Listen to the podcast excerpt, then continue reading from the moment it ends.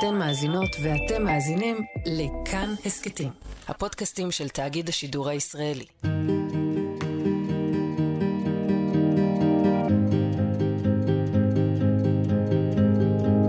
שלום, אני אורית נבון ואתם מאזינים להסכת לא טוב לי, שיתוף פעולה של כאן ועמותת סהר, סיוע והקשבה ברשת. בכל פרק נעסוק בהתמודדות עם מצוקה נפשית אחרת, והפעם נדבר על חרדה. נפתח בדיאלוג שמבוסס על שיחה אמיתית שהתקיימה בצ'אט של סהר, הפרטים המזהים טושטשו כמובן.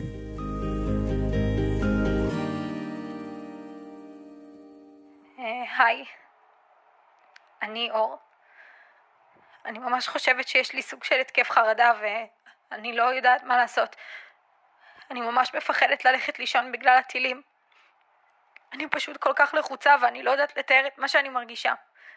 אני מרגישה ככה כבר מאתמול, בהתקפים כאלה. אתמול הייתה אזעקה שהעירה אותי בשלוש ופשוט לא הפסקתי לרעוד חצי שעה. כל הבטן שלי התהפכה ולא נרדמתי כל הלילה. הרבה אמרו לי שזה התקף חרדה, אבל זה מגיע הרבה ובגלים כאלו. אני יכולה רק לתאר לעצמי כמה את מרגישה חסרת אונים מול הטילים וההתקפים האלו. את רוצה אולי לשתף על שגרת היום שלך?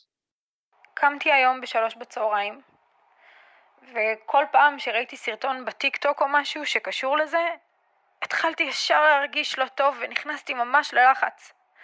אני חושבת שהלילה אני לא ארדם, ואם אני כן אצליח אני אתעורר כמה דקות אחר כך, זה גם מה שקרה לי אתמול. כן יש רגעים שאני אומרת לעצמי שאני בממ"ד והכל בטוח, ובעיקרון לא יכול לקרות לי כלום. אבל עדיין אני כל הזמן מריצה לעצמי כל מיני תסריטים בראש של מה יקרה אם טיל יפגע פה. אח שלי גם חייל והוא נמצא כל הזמן בדרום, אז אני גם מאוד דואגת לו. יוצא לך לדבר איתו?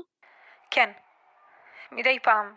הוא לא זמין תמיד, אבל כשאני מדברת איתו אני קצת פחות דואגת לו, והוא עוזר לי קצת עם החרדה שלי. אז אני מבינה שאח שלך יכול להרגיע אותך, אבל הוא לא נמצא לידך כרגע.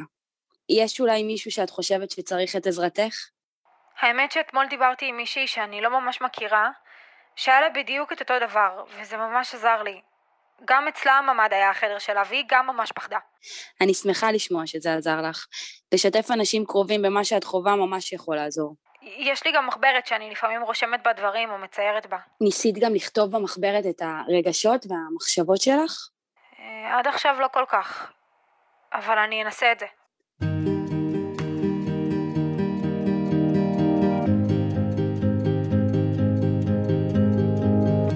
איתי באולפן פרופסור דני חמיאל, פסיכולוג קליני ורפואי במרכז חוסן ובשירותי בריאות כללית, מרצה לפסיכולוגיה במרכז הבינתחומי הרצליה, שלום. שלום. אז אנחנו מקליטים את הפרק הזה אה, בעיצומו של מבצע שומר החומות, כשערים רבות אה, נמצאות תחת אש, אבל יש הרבה אנשים שגם בשגרה יושבים במקלטים, ולחוות התקף חרדה במצב ביטחוני כזה רעוע זה נורמלי, נכון? לגמרי נורמלי. אה, אפילו אפשר לומר שבאופן קצת מוזר, שחלק מהאנשים שסובלים חרדה, מחרדה בדרך כלל, דווקא במצבים האלה הם בסדר. כאילו, בדרך כלל חווים חרדה על דברים שלא קורים, על דברים מפחדים שמפחדים שיקרו. ושכבר קורה משהו, דווקא אלה שבדרך כלל בחרדה, הם לא יותר בחרדה מאשר מאחרים. זאת אומרת, התקף חרדה אופייני דווקא לאנשים שבדרך כלל הם ברגוע? כן, הרבה פעמים זה מה שקורה. זאת אומרת שאנשים שהם ברגוע, פתאום נקלעים למצב שהם לא רגילים אליו, באמת מרגישים תחושה של איום, ונכנסים ל... מקבלים התקף חרדה. מה, מה התסמינים? על מה בעצם אנחנו מדברים? אוקיי, אז קודם כל אנחנו צריכים לציין שזה... תס... אפילו אפשר לקרוא לזה תסמינים לא נורמליים. כי נורמלי להגיב בצורה קצת קיצונית כשקורה משהו קיצוני. ולכן התגובות הראשונות הן לגמרי תגובות טבעיות. אומרת, כשקורה משהו שאני מרגיש שיש איום על החיים שלי, או סכנה של איום, אז יש תגובות פיזיולוגיות טבעיות של עלייה בדופק, אה, עלייה בקצב הנשימה, לפעמים ידיים מזיעות, לפעמים אפילו קצת רעד. ואלה תופעות נורמליות. כשאני, הרבה פעמים כשאני נבהל מהתופעות עצמם, הן מתחזקות יותר, כמו כדור שלג כזה. אני נבהל... כשפתאום הם מרגישים את הדופק. אני נבהל, אומר, מה קורה לי? כן, מה קורה לי? משהו לא בסדר. אז זה מגביר, ואז אני יכול להגיע באמת ממש להתקף חרדה, והוא יכול בפני עצמו להיות מבהיל. ואז הרבה פעמים מה שמבהיל זה התקף חרדה, עוד יותר מאשר המקור להתקף חרדה. וכשאתה אומר, אה, כשבן אדם מרגיש מאוים או סכנת חיים, זה הטריגר להתקף חרדה, או שיש עוד אה, דברים שיכולים לעורר אותו? לא, יש אה, איומים, קודם כל יש איומים שונים, זה יכול להיות אדם שסובל מחרדה חברתית, כן? והוא צריך אה, להיכנס לקבוצה ולדבר שם. אין, זה לא איום קיומי, כן? אבל בחוויה שלו זה מאיים עליו, ולכן הוא יוכל לחוות התקף חרדה. זה יכול להיות מישהו שיש אה, לו חרדה בריאותית והוא נתן איזו בדיקה, כן? אין עכשיו כרגע איום עליו, אבל הוא כבר מגלגל את האיום בראש, אבל זה יכול להיות גם דאגות, זאת אומרת, לא קורה כלום. כן, לא קורה כלום, אבל אדם מודאג מדברים שיכולים, באופן כללי, יש לו דאגות כלכליות, אה, אה, בריאותיות וכולי, והוא פשוט דואג כל הזמן, והתסריטים שהוא יוצר בראש, הוא יוצר פשוט תסריטי אימה. כן, לפעמים אנחנו, אנשים שבחרדה, וכולנו קצת דאגניים, כן? אז אנשים דאגניים, כן? או אנחנו, כשאנחנו דאגניים, אנחנו מריצים בראש כל מיני תסריטים שלא קרו, שאנחנו מפחדים שהם יקרו, והתסריטים האלה שלא קרו, וגם כמעט תמיד לא קורים, גורמים לנו פתאום להתקף חרדה. אין שום איום. האיום הוא לגמרי בראש. אז תכף נדבר באמת על עד כמה הבן אדם יכול לשלוט בזה, אבל אם נחזור רגע למצב הביטחוני, כשאומרים נפגעי הלם, האם הכוונה לנפגעי חרדה זה אותו דבר, או שיש כן, הבדל? כן, אני חושב שלזה מתכוונים, מתכוונים לנפגעי חרדה. זה אנשים, ו, ועוד פעם, זו תגובה נורמלית. גם, גם כדי לקבוע, נגיד, אדם שסובל מפוסט-טראומה, לוקח כמה חודשים עד שניתן את ההבחנה הזאת. ולמה? מכיוון שבשלב הראשון זה נורמלי. זה נורמלי אה, לא לישון טוב בלילה ולא להיות רגוע. אה, זה נורמלי להרגיש קוצר נשימה לפעמים. להרגיש צמא, אה, להרגיש קצת עצוב. כל אלה תופעות נורמליות, בעיקר כשיש מצבים כאלה מתמשכים, אבל גם אם אדם חווה איזה אירוע נקודתי, מאוד יכול להיות שאחרי זה כמה שבועות, ממש כמה שבועות, ירגיש לא טוב. ואז הוא אמור לאט לאט לחזור לעצמו. אני אגיד לך למה אני שואלת על ההבדל בין הלם לחרדה, כי זה נשמע לי גם אולי קצת היפוך. זאת אומרת, הלם זה כשהגוף כזה אה, אה, הופך למשותק, וחרדה להפך, הגוף נורא מוצף. לא, אז אוקיי, אז יש פשוט תגובות שונות לסטרס. אבל זה לא קשור באירוע, זה קשור בתגובה של הבן אדם. כן, בן אדם יכול להגיב, יש לנו את המשולש הזה, שלושת האפים של fight, fight, flight או freeze. כן, מצב של כשאתה נתקל באיזשהו איום, אתה יכול או להילחם, אתה יכול לברוח, ואתה יכול לקפוא. עכשיו, שתי התגובות הראשונות הן תגובות הולמות. כן, אתה לפעמים צריך להילחם, ולפעמים צריך לברוח. כן, לא תמיד תעשה את הדבר הנכון, כי לפעמים תילחם כשצריך לברוח, או תברח כשצריך להילחם. אבל שתי, שתי אלה הן תגובות אה, הישרדותיות. עכשיו, הטענה היא שגם תגובת הקיפאון, שאדם פתאום תקוע במקום ולא יודע מה לעשות, שגם לה יש כנראה איזה בסיס, שבא עוד מבעלי חיים, שבעל חיים כשהוא מרגיש שהכל אבוד, זה באמת, זה באמת המצב היותר קשה. כשבן אדם מרגיש שאין מה לעשות, שהוא חסר אונים, שאין לי, אי אפשר להילחם ואין לאן לברוח, הוא יכול להיכנס לקיפאון, זו התגובה הכי קשה, כי המשמעות שלה הוא, הוא זה כאילו, טוב, אבוד לי, אין מה לעשות, הדבר הכי טוב שאני יכול לעשות זה לעשות את עצמי מת. זאת אומרת, חיות כנראה עושות את עצמן מתות במצב שהן מבינות שזהו. הולכים לטרוף אותם. אינסטינקט הישרדותי. זה אינסטינקט הישרדותי שאומר, הרי בעלי חיים לא אוכלים פגרים. רוב בעלי החיים לא אוכלים פגרים. זאת אומרת, הם יטרפו ויאכלו, אבל הם לא אוכלים פגר. ולכן אם אתה מת, זה כאילו, אולי יעזבו אותך. זה לפחות, זה לפחות ההסבר האבולוציוני לדבר הזה, אני לא יודע אם זה נכון או לא, אבל זה ההסבר. הדבר, אבל זו תגובה יותר קשה. התגובה של הקיפאון היא תגובה באמת של חוסר אונים. זה כאילו, אני לא יודע מה לעשות. אז בוא נדבר באמת, דני, על אה, מה הבן אדם יכול לעשות כדי להקל על עצמו. מקשיבים לנו עכשיו אנשים שנמצאים באיזושהי חרדה, או שמכירים את עצמם ככאלה שנוטים להיכנס לחרדה. מה אפשר לעשות? אז זה בעצם מחולק לשניים, ובעצם שני דברים הפוכים, כאילו.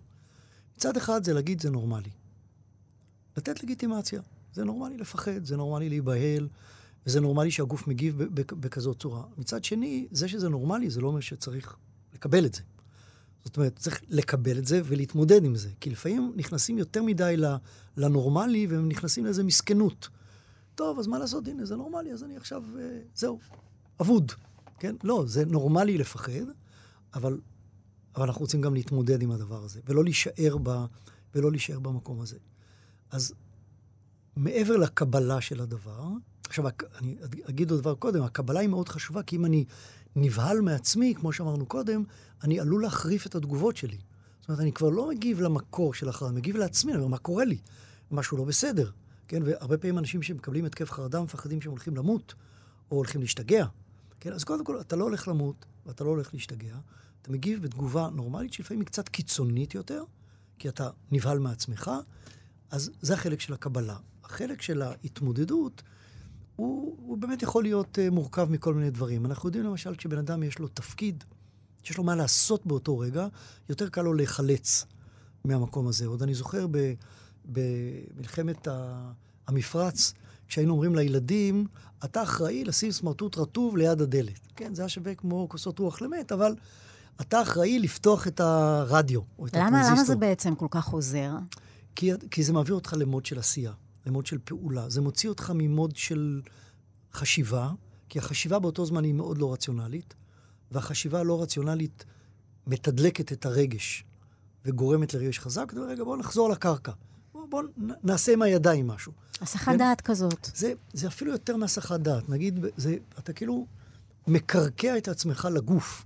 הגוף הוא, הוא פחות פגיע במקרה הזה, כי הבעיה היא כאן רגשית. כן, הגוף לא נמצא כרגע בסכנה, המחשבות מעצימות את המצוקה הנפשית שלו, אתה מעביר משהו ל, לרמה הגופנית, אחר כך בשיטות היום יותר, אפשר לקרוא לזה מתקדמות, עתיקות, כמו הגישות של המיינדפולנס, שאלה גישות שעוזרות, נדבר עליהן עליי אחר כך, שעוזרות לטפל בחרדה, הן גם כן גישות שמקרקעות אותי ל, לרגע, למה שקורה כרגע.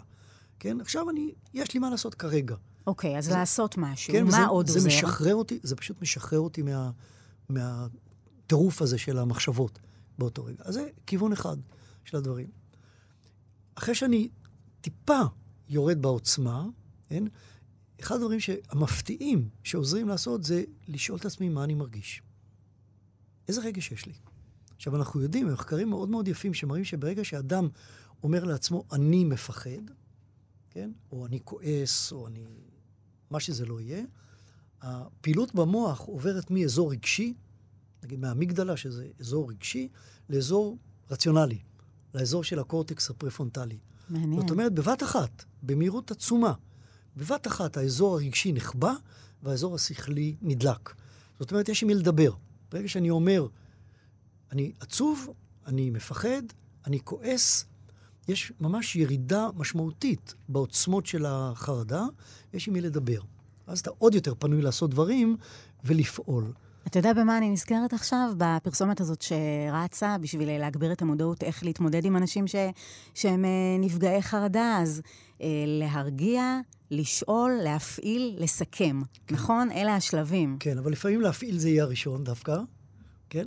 אם אתה יכול, אם, לא תמיד בן אדם יכול לפעול באותו רגע. כן? כן? אבל אם אתה יכול להגיד לו, רגע, בוא תעשה עכשיו משהו, כן? זה יכול להיות צעד ראשון טוב, לא תמיד אפשר לעשות את זה, לפעמים אתה כן צריך להרגיע קודם. ולמשל, הרגעה יכולה להיות, כאילו, הרגעה הכי מקובלת ולדעתי עובדת באמת, אם תופסים אותה נכון, תכף אני אגיד מה זה אומר, זה לשנות את צורת הנשימה. הדבר הראשון שמשתנה אצלנו בזמן של לחץ זה הנשימה.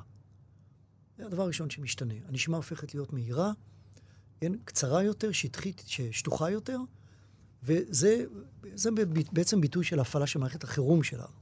עוד פעם, שזה נורמלי, כי אנחנו מרגישים חירום, אבל אין מה לעשות. כן, זה לא באמת חירום, אף אחד לא עומד עליי עם סכין כרגע. אז באותו רגע כאילו אני צריך לשאול את עצמי, זה מפחיד או מסוכן? זאת אומרת, אני עכשיו צריך לעשות, אני צריך להגן על עצמי, יש כאן מישהו עומד מולי שאני צריך לירות בו, או לא, או שאני צריך להרגיע את עצמי עכשיו. או שזה רק מפחיד. כן, או שזה רק מפחיד, ולכן אני צריך, כי אני עכשיו, אני במקום בטוח. כן, ולמרות זאת אני מפחד. כן? ועכשיו אני יכול להרגיע את עצמי, והטכניקה היותר מוצלחת זה באמת טכניקה של נשימות. וגם שם המטרה צריכה להיות לא להרגיע, כי אז אנשים אומרים, לא, אני לא נרגע, זה לא עובד. כן, המטרה היא לווסת את הרגש לרמה כזאתי, שאני יכול להתחיל לדבר עם עצמי. איך עושים יכול... את זה? בוא, בוא נתרגל נשימה כן, טובה. תרגול של נשימות זה דבר מאוד מאוד פשוט. עכשיו, יש כל מיני צורות, אני באמת אלך על, ה, על ה basic, שהוא הכי פשוט, ואני גם משתמש בו, באמת, הרבה מאוד אני משתמש בטכניקה הזאתי. והרעיון הוא פשוט, הרעיון הוא הכנסת אוויר לא מאומצת, זאת אומרת, לא עמוקה מדי, זה לא נשימה עמוקה. אגב, אנשים שאומרים, אני, אני נרגע כשאני נושם עמוק, הם באיזשהו מקום נרגעים למרות שהם נושמים עמוק. כי נשימה עמוקה מעלה את, מפעילה את מערכת החירום. את מערכת החירום בתוך מערכת העצבים. אז, אבל זה עוזר כנראה, כי אתה עוצר, כי אתה אומר לעצמך כל מיני דברים, אבל לא בגלל הנשימה. הכנסת אוויר לא צריכה להיות עמוקה, צריכה להיות טיפה ליותר עמוקה מכרגיל, אבל להשתדל לא להשתמש בחזה ובכתפיים.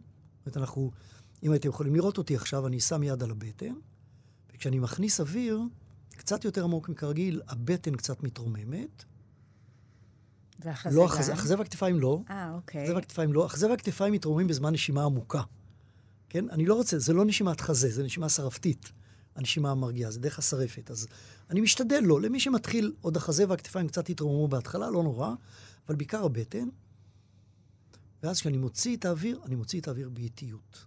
זה החלק הכי חשוב כאן, הוצאת אוויר איטית, כי כשאני מוציא את האוויר, אני מפעיל את מערכת הרגיעה, את המערכת הפרסימפטית, מערכת הרגיעה. לכן אנחנו רוצים להעריך אותה ביחס להכנסת האוויר. אז אני עושה, כדי להקל עליי לעשות את זה, אני עושה משהו כמו... פשוט מוציא את האוויר באיטיות. עכשיו, כמה באיטיות? לא יותר מדי, כי אז יהיה לי קשה. זה לא עד, עד שאני נחנק, אלא אני מוציא את האוויר באיטיות, ואז כשנוח לי, אני שוב מכניס את האוויר, ומוציא באיטיות. ולאט לאט אני מוצא את הקצב שלי, שהוא שונה מאדם לאדם. מוצא קצב לנוח, זה יכול לקחת דקה, קצת יותר, אני מוצא את הקצב שלי ואני יכול להמשיך לנשום ככה כמה דקות, ואני מצליח להכניס עצמי לאיזון. עכשיו, אני בכוונה מדגיש את המילה איזון ולא הרגעה. אם אני, אני לא אמור להיות רגוע במצבים האלה. כן, זה לא מצבים רגועים, כן? ולכן אני רוצה, אני גם רוצה ללמוד מהרגש הזה, אני צריך להבין מה קורה סביבי. אני לא, אני יכול לקחת כדור הרגעה ולשתק את עצמי. אבל זה לא מה שאני רוצה. אני רוצה לאזן את עצמי כדי שאני אוכל להתחשב ברגש הזה. כאילו, הרגשות הלא נעימים הם חשובים מאוד. אני שואלת לא. את עצמי, איך בכלל, אבל בן אדם, כשהוא נגיד לבדו, יכול להגיע למצב אה, מחרדה באמת מאוד גדולה לנשימות כאלה? מה, מה קורה בין לבין? הוא רק, קודם כל הוא צריך שיהיה לו ידע מסוים. כאילו, כשאנחנו נמצאים בחרדה, אנחנו צריכים להבין מה קורה לנו. אנחנו צריכים להיות בתשומת לב למה שקורה לנו. תשומת לב זה הצעד הראשון והכי חשוב כדי להתמודד עם כל דבר. אני צריך לה, להבין שמשהו קורה לי. אם אני לא מבין שמשהו קורה לי, אני, אני אפעל אוטומטית. אני פשוט אגיב בצורה אוטומטית. ואני רוצה לצאת כאן ממצב של תגובה אוטומטית למצב של תגובה שאני בוחר אותה. אז ההתקף חרדה זו תגובה אוטומטית. ואז אני צריך להיות בתשומת לב לעצמי ולהגיד, אה, ah, הנה, שים לב, יש לך התקף חרדה. עכשיו, מה שאנחנו טוענים, אנשי המקצוע בתחום הזה, שברגע שבן אדם אומר לעצמו, יש לי התקף חרדה, הוא עשה 50% מהדרך. כי ברגע שאני עושה את זה, אני מצליח להתבונן בעצמי מבחוץ, כן? ואני כבר במצב יותר טוב. כי התקף חרדה, המאפיין שלו זה שאתה כאילו נבלע בתוכו. כן? שאתה ממש שקוע בתוכו ואתה לא רואה מוצא. ולא שאתה אומר, אה, ah, יש לי התקף חרדה. ולמי מכם שרגיל שיש לו התקפי חרדה, אז הוא כבר מנוסה בזה. כן? אז יותר קל לו להגיד, טוב, בערך ההתקף 300 שלי עד היום, 312, כבר היו לי 311 התקפים.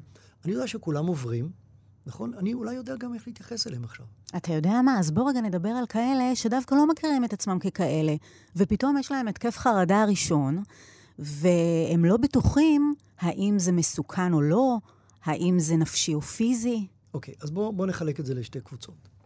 אם ההתקף חרדה, יש לו מקור. זאת אומרת, אם כרגע קרה משהו, כמו נפל טיל, קיבלתי הודעה לא נעימה מהרופא, אמרו לי שאני צריך לתת אה, פרזנטציה, מצגת באיזה מקום עבודה, ואני פתאום מרגיש את ההתקף חרדה, אז אין מה ללכת לרופא. אוקיי? אז זה, כנראה, זה, זה די ברור מה קורה כאן. יש מצב שזה נקרא התקף פאניקה. התקף פאניקה יכול לקרות לאנשים out of the blue. היא הולכת ברחוב, לא קרה כלום, הכל נראה בסדר, ופתאום התקף. זה מאוד מפחיד. יש הבדל בין התקף חרדה להתקף פאניקה? לא בסימפטומים, במשמעות. אין, כאילו, זה ללא הסבר. אין לזה הסבר. זה פשוט קורה פתאום, ללא שום הסבר.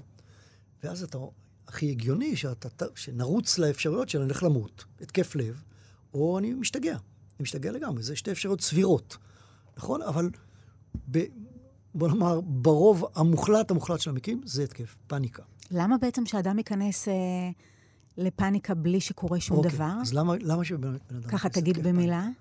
אוקיי. זה כמו, המטאפורה שאנחנו משתמשים, זה כמו מכונית שעומדת בגשם, והאזעקה שלה מתחילה לפעול. עכשיו, אתה מסתכל מסביב, אין גנבים. אין, אין איזה משהו אקוטי. אבל האוטו כבר קצת שחוק, המגעים החשמליים שחוקים, יש קצרים, והגשם עושה קצר. לא קרה שום דבר משמעותי. ב- ב- בתקופות שאנחנו מאוד שחוקים, כן, שהמערכות שלנו, או שאנחנו לא, לא חיים את החיים שאנחנו רוצים לחיות. זה כמו סימן אזהרה. זה כאילו, זה בעיניי סימן ממש חיובי. זה כאילו אומר לך, שים לב, אתה מפקשש משהו בחיים. אתה לא, אתה לא חי כמו שאתה צריך לחיות. כן? זה כמו סימן אזהרה. והיום כשאנחנו מגיעים ל... אה, נגיד, אפילו מלמדים את זה רופא משפחה, כן? כשבא מישהו, עוד פעם, כי בהתקף פאניקה אנחנו מציעים לבן אדם ללכת קודם כל לרופא. נכון, מי, מי אני שאני אגיד לו, אולי, אולי בכל אופן יש איזו בעיה פיזית, אז קודם כל הולכים לרופא. כן, עכשיו רופא מתוחכם יבוא ויגיד, תשמע, יש כאן שתי אפשרויות. מראש אני אומר לך, יש שתי אפשרויות. אפשרות אחת שנמצא משהו, כן. אפשרות מאוד לא סבירה, אבל אנחנו נחפש, כן? לפעמים זה יכול להיות תוצאה מ... אני יודע, חוסר ב-B12, כל מיני דברים כאלה שגורמים להתקפים שאין להם הסבר, אבל ברוב המקרים, משהו אתה מפקשש בחיים שלך. אתה, אתה לא בלחץ מספיק כדי להרגיש התקף חרדה מדבר מסוים, אבל כלל החיים שלך לא משהו. ואז רופא משפחה אפילו אומר, לא, לא, תבדוק את החיים שלך. יכול להיות שתמצא בעצמך, אם לא, תלך לפסיכולוג. כן? אבל התקפי פאניקה נגרמים אצל אנשים שמשהו לא בסדר בחיים שלהם, אבל לאו דווקא מדבר שהם יכולים לראות אותו מול העיניים. זאת אומרת. חרדה נגרמת כתוצאה ממשהו ממשי, מאיזו סיבה ממשית, ופאניקה אין סיבה נראית לעין, ובכל זאת אני אשאל אותך, איך בן אדם יכול לדעת, האם בכלל אפשר לדעת, שזה באמת משהו נפשי? האמת, ללכת לרופא. כן? פשוט ללכת, זאת אומרת, אם בן אדם, פעם, פעמיים, שלוש, יש לו התקף, אז הדבר הראשון, אם בא אליי, כן, אם בא אליי מטופל ואומר לי, תשמע, יש לי כך וכך, ואני אומר, אומר לו את זה, אני אומר לו, תשמע, ככל הנראה זה התקפי חרדה, אבל אנחנו חייבים לשלול את זה, לכן אני שולח אותך לרופא, עושה לך כמה בדיקות בסיסיות, וזה הכל, נראה, יכול להיות שזה משהו פיזיולוגי פשוט, כן? אבל סביר להניח שזה משהו חרדתי, אבל בן אדם לא יכול לדעת באמת. עכשיו, אתה אומר, דני, שזה יכול לבוא גם על רקע של איזושהי שחיקה. האם זה אומר שילדים לא יכולים לחוות פאניקה כי הם אה, אנשים קטנים ורעננים שעוד לא חוו שחיקה בחיים? קודם כל, אצל ילדים יש פחות התקפי, בוודאי התקפי, פחות התקפי פאניקה. בגיל ההתבגרות אנחנו מתחילים לראות את זה יותר, אבל בילדים קטנים לא. והתקפי חרדה? התקפי חרדה, כן, יכולים להיות, כי עוד פעם, אתה נתקל באיזה אירוע מפחיד ואתה נכנס לחרדה. זה, ואז, זה יכול להיות. אם אנחנו נגיד מדברים על ילדים במקלטים למשל, מה אפשר להגיד לילד, או איך אפשר להתנהג עם ילד כזה שחווה חרדה מאוד גדולה? אוקיי, זה ממש, אני שמח, את מרימה לי להנחתה בדבר הזה. יש לי סיפור יפה על זה. ב-2006, במלחמת לבנון, ב... איזה מלחמה, מי, מי סופר את המלחמות? הייתה מלחמה בצפון, כן, אני חושב שזה מלחמת לבנון השנייה. אה, הפציצו את הצפון, החיזבאללה. ישבתי במקלט בנהריה, כאילו התפזרנו בכל המקלטים שם, ואני, היה לי את המזל להיות במקלט שהילדים בנו בתוך המקלט אוהל. בנו אוהל. ברגע שהיו נשמעים ההפגזות והאזעקות, הילדים היו נכנסים לאוהל ונרגעים בתוך האוהל. אוי, זה מקסים. עכשיו, זה ברור שזה לא נותן, נותן ביטחון פיזי. הם היו בטוחים פיזית. הם היו בתוך המקלט, לא היה יכול לקרות כלום. ולמרות זאת, הם היו צריכים איזו רגיעה פנימית. כאילו, זה בדיוק המקרה של זה מפחיד, זה לא מסוכן, אבל אני, אני רוצה שיטות להרגיע את עצמי. אז הם היו נכנסים, ילדים קטנים, ממש בני ארבע, חמש או משהו כזה, נותנים ידיים אחד לשני ושרים כל מיני שירים. זה היה פשוט מקסים לראות את הדבר הזה. אז אני חושב, בסיטואציה הזאת... להקים אוהל במקלט. מה? כן. אחלה להקים, רעיון. כן, להקים אוהל במקלט. באמת צריך להבחין בין המקרים שבן אדם צריך לרוץ ולהציל את עצמו, לבין מצבים שבן אדם צריך לנשום. או להרגיע את עצמו. ואני למדתי את זה בדרך הקשה. אה, שוב פעם, באיזה מלחמה זאת הייתה, אני כבר לא ממש זוכר, כשהאמריקאים נכנסו לעיראק, ואנחנו לא היינו מעורבים במלחמה, אבל היה לנו לקחים ממלחמת המפרץ, והלכנו, הייתי בשכונת התקווה בתל אביב, וישבתי עם, בבית זקנות, זה היה בית זקנות כי כל הזקנים מתו שם, היו רק זקנות, לדעתי, והכנו אותם למלחמה הבאה. כי הם ספגו, במלחמת המפרץ, ספגו טילים בשכונת התקווה. אז אמרנו, בואו נכין אותם. אז אני יושב שם ואני מלמד את, ה, את הקשישות הנחמדות האלה, אני מלמד אותם לנשום. בדיוק כמו שלמדנו קודם, בדיוק אותו דבר. הכנסת אוויר, קצת יותר עמוקה מכרגיל, הוצאת אוויר איטית. יושבים מולי איזה 50 קשישות, עושות ממש פסטורליה, ואז פתאום אחת הקשישות קמה. וצועקת, ואומרת, מה זה השטויות האלה? יפלו עלינו טילים ואנחנו נעשה נשימות? למי זה עוזר? זה שטויות הדברים האלה. זו הבחנה חשובה. זאת אומרת, נשימות אתה לא עושה כשאתה רץ למקלט. כן? כשאתה, כשאתה קשיש, אולי גם כדאי שלא תרוץ, אלא שתלך, כן? כי רוב הנזקים הם הרבה פעמים בנפילות. אבל כשאתה נמצא בסכנה מוחשית, אתה יודע שאתה צריך לפעול. אתה לא צריך להרגיע את עצמך. אבל כשיצאת מהסכנה, וזה, וזה המקרים שאנחנו יכולים לעזור. כי מסתבר שגם כשאנשים יוצאים מהסכנה, הפחד ממשיך להישאר וללוות אותם. וזה, ו, וזה המצב בדיוק שאנחנו יכולים, צריכים להרגיע. נשימות זה באמת אחת הטכניקות החשובות. שיום רגש, לתת שם לרגש באותו רגע, מאוד מאוד חשוב. להתבונן בעצמי ולהבין מה קורה לי. להגיד, אני מבין שכרגע אני נמצא בחרדה. אני מפחד כרגע. יש לי פחד. הלב שלי דופק מהר, כי זה נורמלי שזה מה שקורה בדברים האלה. אלו הכלים היותר משמעותיים בטיפול בחירום בזמן אה, חרדה.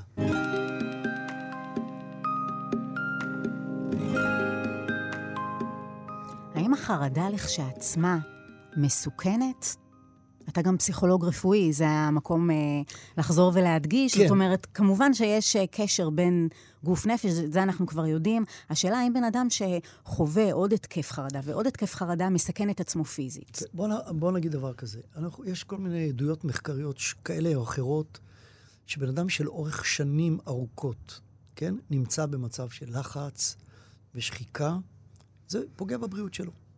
כנראה אין ספק בזה מחלות לב למיניהם, של כלי דם ודברים כאלה. אדם נפגע אם הוא סובל מ- מלחץ לאורך הרבה, לאורך הרבה הרבה שנים. אז אנחנו יודעים שזה נכון. האם נק, נקודתי, הבעיה יותר שאנשים מפחדים באותו רגע. כן. הם מפחדים באותו רגע, עכשיו הלב שלי לא יעמוד בזה. כן, הלב שלי דופק כל כך מהר, הלב שלי לא יעמוד בזה. וזה לא נכון. כן, אם האדם אין לו איזה מחלת לב, כן, או משהו כזה, אין שום סיבה. אנחנו אמורים לעמוד בזה, בדברים האלה. ולכן, אבל לאורך זמן אנחנו בהחלט יש מקום, יש מקום להגיד, מצב שחיקה לאורך זמן הוא לא טוב. אנחנו יודעים למשל שרופאים כירורגים מתים יותר מוקדם.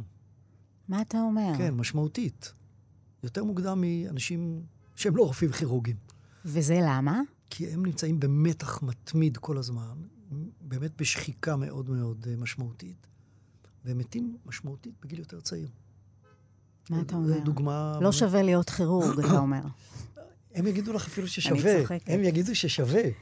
שההתרגשות של לעשות ניתוח אחד וזה שווה את הכל, אבל, אבל אנחנו, אנחנו יודעים את זה. אולי עוד דבר אחד שרציתי להגיד, שהרבה פעמים, ואולי עכשיו להתכונן, בתקווה שעוד כמה ימים, איפה שאנחנו נמצאים כרגע, יהיה קצת יותר רגוע, שחלק גדול מהאנשים החרדה מופיעה אצלם אחרי שיש רגיעה דווקא. כשמצב המתח נגמר ויש איזה מין ירידת מתח, זה מצב שבו חלק גדול מהאנשים יקבל התקפי, לא חלק גדול מהאנשים, אבל חלק מהאנשים יקבלו התקפי חרדה. זה דבר שהוא נורמלי, אתה דבר אומר. דבר שהוא נורמלי, כי אנשים כאילו מחזיקים את עצמם, כן, בתוך כדי מצב ההתמודדות, וברגע שהמצב עובר, והם כאילו אמורים עכשיו להרגיש הרבה יותר טוב, החרדה עולה.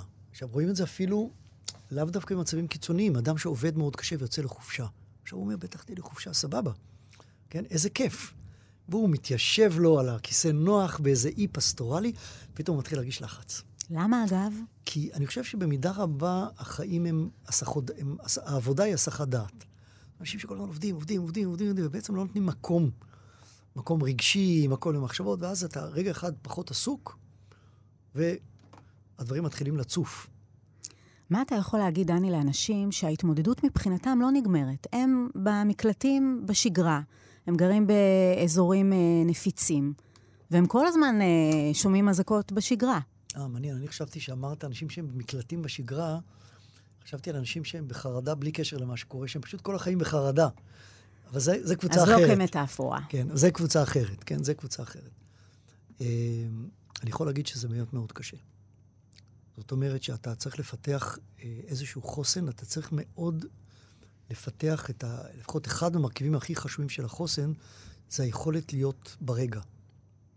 זאת אומרת, אני אגיד את זה בצורה כאילו, בהתחלה לא, יישמע אולי לא אמפתית. נגיד אפילו שכל יום יש לך אזעקה. כל יום, במשך כל החיים, יש לך פעם אחת אזעקה. כן? עכשיו, ברוב המקרים, גם הם, ברוב המקרים יש להם את התנאים כדי להגן על עצמם. ההוכחה היא שיש בסך הכל מעט מאוד נפגעים. ואז בן אדם, אם בן אדם אומר, אוקיי, בסדר, חמש דקות ביום, אני במצוקה ויש לי 23 שעות ו-55 דקות שדווקא הכל סבבה. וואי, זה נשמע לי כל כך רובוטי, כן, אני נכון. להגיד. לכן אמרתי שזה יכול להישמע מאוד לא אמפתי. אבל זאת האמת. נכון, האמת היא שאם ב-23 שעות האלה ו-55 דקות האלה, אני פשוט אוכל להגיד, אוקיי, כל רגע עומד בפני עצמו, ואני חי את הרגע בפני עצמו, וברגע שתהיה אזעקה, אני עובר למצב אזעקה. זה מצב שאליו אנחנו יכולים לשאוף. האם זה אנושי להיות במצב הזה? לא. כי זה מפתח איזו רמת דריכות מסוימת. אתה בכל אופן נמצא באיזושהי רמת דריכות שכל רגע זה יכול לקרות, אבל תחשבי על זה עוד פעם, בתור מטאפורה לחיים שלנו כבני אדם. כל רגע יכול לקרות משהו רע. אנשים חרדתיים מודעים לזה. הם חיים עם זה כל הזמן, כן? עם המחשבה שכל רגע יכול לקרות לי משהו רע. ובכל זאת אני רוצה להקשות עליך. בן אדם שנמצא במקלט, לא יודעת כמה פעמים בשבוע, בחודש, מה הוא יכול להגיד על עצמו, איזו עבודה עצמית הוא יכול לעשות בשביל להקל על עצמו נפשית? קודם כל צריך להגיד שהוא בחר, שזו בחירה. זאת אומרת שהוא בוחר, יצא לי לדבר לא מעט עם תושבים ב, באזורים האלה, כן? אנשים אוהבים את הבתים, אוהבים את, את המקומות שהם גרים בהם. כן, הם אפילו מופתעים שאנשים אחרים חושבים שזה מקום מטורף לחיות בו. כן, הם אוהבים את המקום הזה, זה הבית שלהם. אבל הם לא בוחרים לקבל טילים על הראש. לא, ודאי לא, אבל הם בוחרים, לפחות לחלק גדול, לא לכולם, אני, אני מסכים, לא כולם יכולים פשוט לעבור דירה לצפון, אבל חלק לא מבוטל, זו בחירה. אומרים, אני כאן, זה הבית שלי, זו הבחירה שלי. עכשיו, גם מי שלא, גם מי שלא יכול לעבור דירה, הוא אומר, זה הבית שלי, אוקיי? זה המצב שלי. אני הולך לחיות כאן, כן? והמטרה שלי זה לשדרג את החיים שלי בצורה הכי טובה. זה מזכיר לי סיפור שמספרים על איזה מישהו שמגיע מארצות הברית. הוא, אומר, הוא בא לישראל והוא מדבר עם תושב תל אביב, והוא אומר לו, תשמע, אני לא יודע איך אתם חיים כאן, זה מטורף כאן. אז הוא אומר לא, אתה יודע, כאן זה סבבה. אתה יודע, איפה שזה באמת קשה, זה בדרום, אתה יודע, ביישובים שם. ואז הוא אומר לו, ואז הוא הולך ליישובים בדרום, הוא הולך לאשקלון, כן? אז זה באשקלון אומר לו, הוא אומר לו, איך אתה חי? הוא אומר לו, תשמע, בסך הכל אנחנו בסדר לנו, אתה יודע, אבל זה שגר שם בעוטף עזה, ממש בזה, הוא ממש קשה לו. אתה בא, הולך לבן אדם הזה, והוא אומר לך, תשמע, דווקא איפה שאני גר כאן בקיבוץ זה סבבה. זה שגר בקצה הקיבוץ שם, הוא חוטף יותר. וההוא אומר, במטבח זה מסוכן, אבל ב, אתה יודע, דווקא במרחב המוגן אני מרגיש בסדר. הכל יחסי. זאת אומרת, אנשים מסתגלים. רובם, עוד פעם, רובם. תמיד יש את האנשים היותר פגיעים, שנפגעים וצריכים, זקוקים לעזרה. רוב האנשים, באופן, לא יודע, מוזר, לא מוזר, מסתגלים לחיים שהם אה, חיים אותם. כמו את יודעת, זה כמו, יש את המחקרים האלה על העושר, שמשווים אה, אדם שנקטעו לו שני הרגליים בתאונה לאדם שזכה בלוטו. ואומרים, בוא ניקח שנתיים מהיום, מי יהיה, מה אתה חושב יקרה להם מבחינת רמת העושר שלהם? והתשובה היא שלא קורה כלום. זאת אומרת שגם זה שקיבל, לא יודע, עשרה מיליון דולר לא נהיה יותר מאושר, וגם זה שנקטעו לו שתי הרגליים, הסתגל למצב שלו, הוא מפסיק להשוות את עצמו למצב הקודם, והוא לומד להיות מאושר עם מה שהוא, שזה בערך תהליך שלוקח שנתיים. ואולי אנחנו מדברים פה פשוט על חוסן נפשי. על הסתגלות. שמה, זה, זה גם משהו מולד? זה משהו נרכש? אתה יכול לתת איזשהו... כן, גם וגם. גם וגם. אתה יכול לתת עצה טובה אחת איך לפתח חוסן במצבים של חרדה ואי-ודאות? קודם כל, חוסן הוא גם, אנחנו רואים כבר ילדים קטנים עם יותר חוסן או פחות חוסן. ילדים יותר רגישים, פחות רגישים. אין ספק שיש מרכיב מולד. הדבר השני זה איך ההורים מגדלים אותם. הורים חרדתיים, יש סיכוי, בלי קשר לגנטיקה, הם מודל חרדתי עבור הילדים. יש איזה סרטון נפלא שעשו בעובדה, גם כן במלחמה הזאת שדיברתי עליה קודם בנהריה, נדמה לי זה באיזה מקלט בטבריה, שמראים את הילדים, באיזה רגע של הפוגה, שהם יוצאים, מה, יוצאים מהמקלט, וכולם יושבים בחוץ, רואים את הילדים משחקים, ואז שתי אמהות מתחילות לריב ביניהם. לצעוק אחת על השנייה, את לא בסדר, כבר לא זוכר על מה היה מריבה. ורואים את הילדים מסתכלים, ופתאום הילדים פורצים בבכי. ילדים מסתכלים על ההורים ופורצים בבכי. הם ממש לא יכולים לשאת את המצוקה של, ה, של ההורים. אז ההורים בתור מודל הם דבר מאוד מאוד חשוב.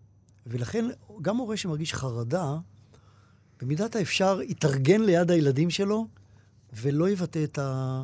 ולא יבטא את החרדה שלו. מעבר לזה, חוסן באמת דבר נרכש. ודיברת על זה שאני עובד במרכז חוסן, מה שאנחנו עושים, שאנחנו מפתחים תוכניות חוסן מניעתיות. זאת אומרת, לא מחכים עד שיקרה אירוע אה, מהסוג הזה, אלא בונים תוכניות מראש, והיום זו תוכנית לאומית. אפשר למנוע התקף חרדה? ברמה האישית אני מדברת. תראי, קודם כל אפשר למנוע של... אפשר, אפשר לגרום לזה שאדם במצב חירום יתמודד מראש יותר טוב, אוקיי? ואת אני- החרדה עצמה? ו, וגם, ועוד פעם, ברגע שבן אדם מזהה שהוא בחרדה, ואומר, ו, וערני למה שקורה לעצמו, הוא בהחלט יכול למנוע את ההתגלגלות של ההתקף חרדה. כי התקף חרדה זה באמת כמו כדור שלג.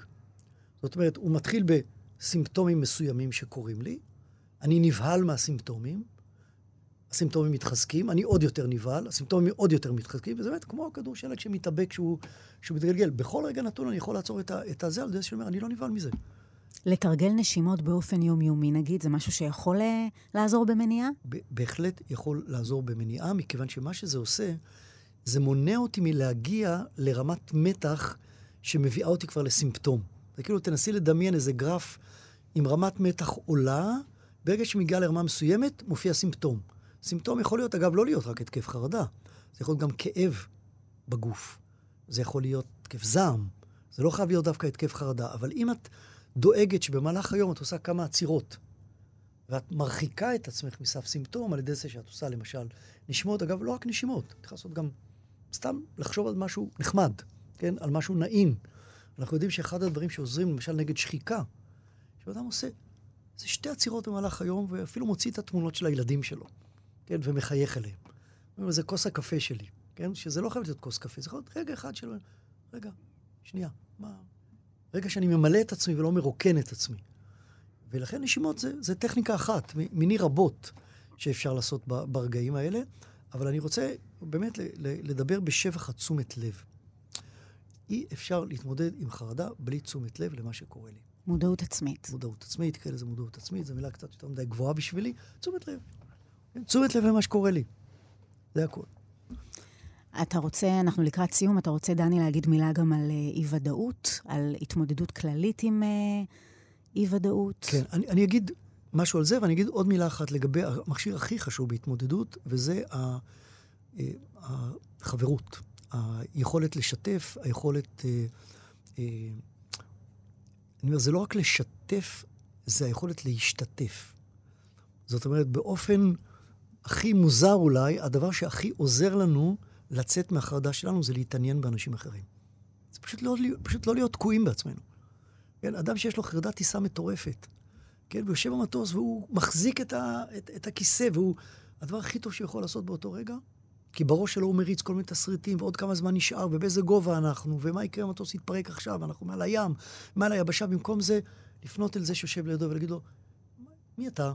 מאיפה אתה בא? לאן אתה נוסע? בתנאי שלא נודניק. כן, להתעניין בו, זה הכל. אין דבר שעוזר יותר לחרדה מאשר הדבר הזה, מאשר ראיית האדם שיושב uh, לידי. אז זה לא רק לשתף, זה גם להשתתף. כן. זה, זה נקודה שלא הייתי רוצה להחמיץ אותה בשיחה אה, מהסוג שלנו. אה, לגבי אי-ודאות. בוא נאמר, עם מה בן אדם צריך להתמודד בחיים שלו? אולי הדבר המרכזי זה החוסר ידיעה מה יקרה.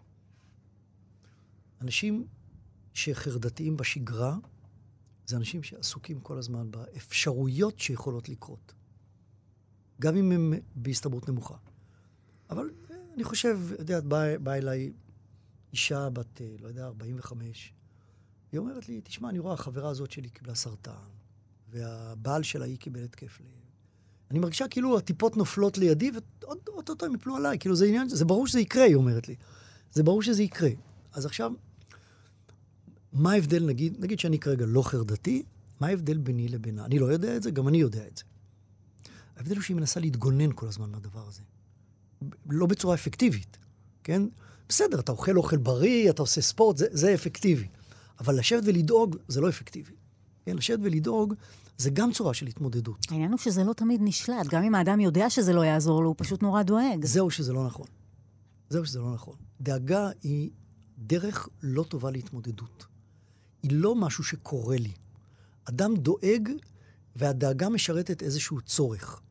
צורך בין... במה? למשל, אם זה פולניה, אז זה כדי שלא יקרו לה דברים רעים. אם היא תחשוב על דברים רעים, הם לא יקרו. פולניה כשם קוד. כן, ברור, ברור. כן? אז היא לא, היא, זה, זה אסור. אם היא תחשוב על דברים טובים, חס וחלילה, בראש שלה, יקראו לה דברים רעים. אז זה סיבה בשוליים, כן? אבל היא לא כל כך בשוליים. להתכונן, יש מחשבה, אולי אני צריך להתכונן לדברים הרעים, כן? יש כל מיני סיבות, יש כל מיני סיבות לעשות את הדברים האלה, אבל את צודקת שמחשבות דאגניות יכולות לבוא מעצמן. איך שולטים בהן? אוקיי, אי אפשר לשלוט בהן, אפשר לנהל אותן. זאת אומרת, שהמטאפורה הכי טובה ביחס למחשבות שלנו זה שאנחנו אנחנו לא הבוסים של המחשבות שלנו, אבל אנחנו מנהלי עבודה. אנחנו יכולים לייבש אותם. אנחנו יכולים להפעיל אותם, ולחפור ולחפור ולחפור, ואנחנו יכולים להגיד, הבנתי, אתה כאן, כן, אתה כאן, אבל אני לא בעסק. אני לא משתף איתך פעולה. אני לא מזין אותך. אני לא בונה עכשיו סיפור, כן, ואם יקרה ככה, אז אני אעשה ככה, אם יקרה... לא, זה באסה. באסה שעלתה לי במחשבה לא טובה. שזה מחבר אותנו אולי למרכיב הכי חשוב בחוסן, וזה היכולת להרגיש רגש לא נעים ולא לחפש לו פתרון. אנחנו במערב אלופי הפתרונות לרגשות לא נעימים. אסור להרגיש. זה משהו שאופייני לגברים, לא? לחפש פתרונות כל הזמן. לא, לא, לא בטוח. דווקא בזה אני לא בטוח שזה רק גברים. זה פתרונות, זה, עוד פעם, מה, למה אני מתכוון פתרונות? כן? מה, מה הפתרון לרגש לא נעים? זה יכול להיות לאכול. זה אין הבדל בין גברים לנשים. אכילה רגשית זה פתרון, אחד הפתרונות הכי פופולריים ולא מוצלחים לרגש לא נעים. לאכול, ללכת לישון, כן? לקנות איזה בגד כדי להרגיש יותר טוב. זה גם כן קצת יותר נשי מגברי. מזדהה, מזדהה. כן, אוקיי. לעבוד קשה, כן? רק כדי לא לחשוב. לעבוד, לעבוד, לעבוד, לעבוד, רק כדי לא לחשוב. יש לנו כל מיני פתרונות לא כל כך מוצלחים. וחוסן זה היכולת להגיד, יש לי רגש לא נעים, ואני מקבל אותו. אני מקבל אותו, אין לי מה לעשות בקשר אליו. ממש לדבר לעצמי. כן, ממש לדבר אל עצמך. ועוד פעם, ולא לנסות לעשות מה שלא עובד, וזה להעיף את זה.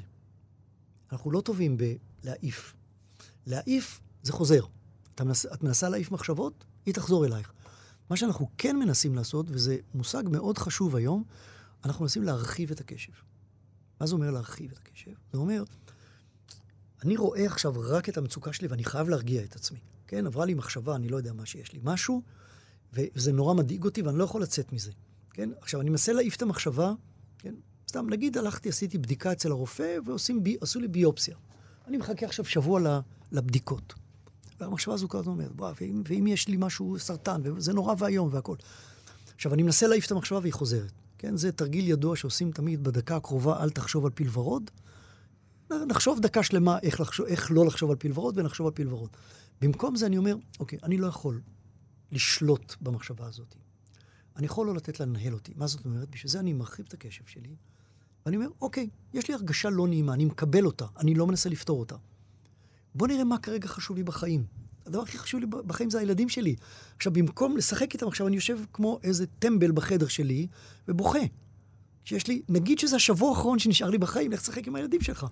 כן? אז אני מרחיב את הקשב שלי, אני מוכן לשאת את הבעיה לא פתורה, ואני מתמקד, אני אגיד את זה במילה קצת גבוהה, בערכים שלי, במה שחשוב לי, כן? במה שאני מחויב לו מ- מרצון, מאהבה. ואז ברוב המקרים גם המצוקה תתבוג, תתפוגג. לפחות רוב הזמן. ומדי פעם היא תעלה, ו- ולא יהיה לי פתרון לזה. וצריך להתחיל לחשוב על רגש לא נעים, לא בתור דבר שצריך להעיף אותו. יותר מזה, בעיקר לאנשים עם חרדה, כן? תחשבו על זה, הרי חלק גדול מהחרדות נובעות מאתגרים שיש לנו, לא מטילים, כן? אני, הציעו לי קידום בעבודה, וזה מלחיץ אותי, כי אני אצטרך, לא יודע, לתת, אה, אולי לנסוע לחו"ל ויש לי קצת פחד, ולתת אה, פרזנטציות, ולדבר לפני קהל, ואני מרגיש חרדה. זה חרדה גרועה? לא. אני יכול לבטל אותה בשנייה, אני יכול להגיד, לא בא. לא, לא, לא מקבל את הקידום. ואז אני ארגע, לא, החרדה הזאת אומרת שאני מתמודד. ולכן אי אפשר בעצם להתקדם בחיים בלי חרדה. וברגע שאני מתייחס אל החרדה בתור סימן להתמודדות, ולא בתור סימן לאסון מתקרב, זה יהיה אחד מהכלים היותר משמעותיים להתמודד עם חרדה.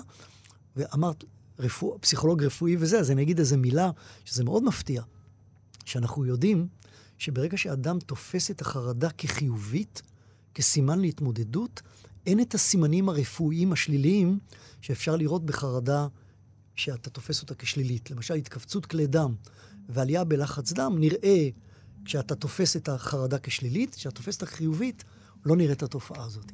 מעניין. קיצור, מתח זה לא דבר רע כל כך. לא בהכרח.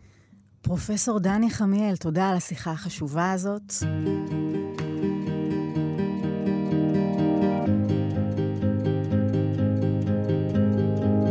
ההסכת לא טוב לי הוקלט בשיתוף עם עמותת צהר ובית צבי, בית הספר הגבוה לאומנויות הבמה. תודה לשחקניות מבית צבי, עדי נירמן ופז סייג. בהפקת התוכנית השתתפו ניר גורלי, אייל שינדלר, גיא פלוויאן ואבי שמאי. תודה ליעל לוי ולונה בן דיין מסהר. עמותת סהר מעניקה סיוע לאנשים במצוקה נפשית אונליין באנונימיות מלאה. אם אתם במצוקה נפשית, תיכנסו לאתר של סהר, מתנדבי העמותה מחכים לכם שם, sahar.org.il. אני אורית נבון, מוזמנים להאזין לפרקים נוספים באתר וביישומון כאן ובכל יישומוני ההסכתים. תודה שהאזנתם.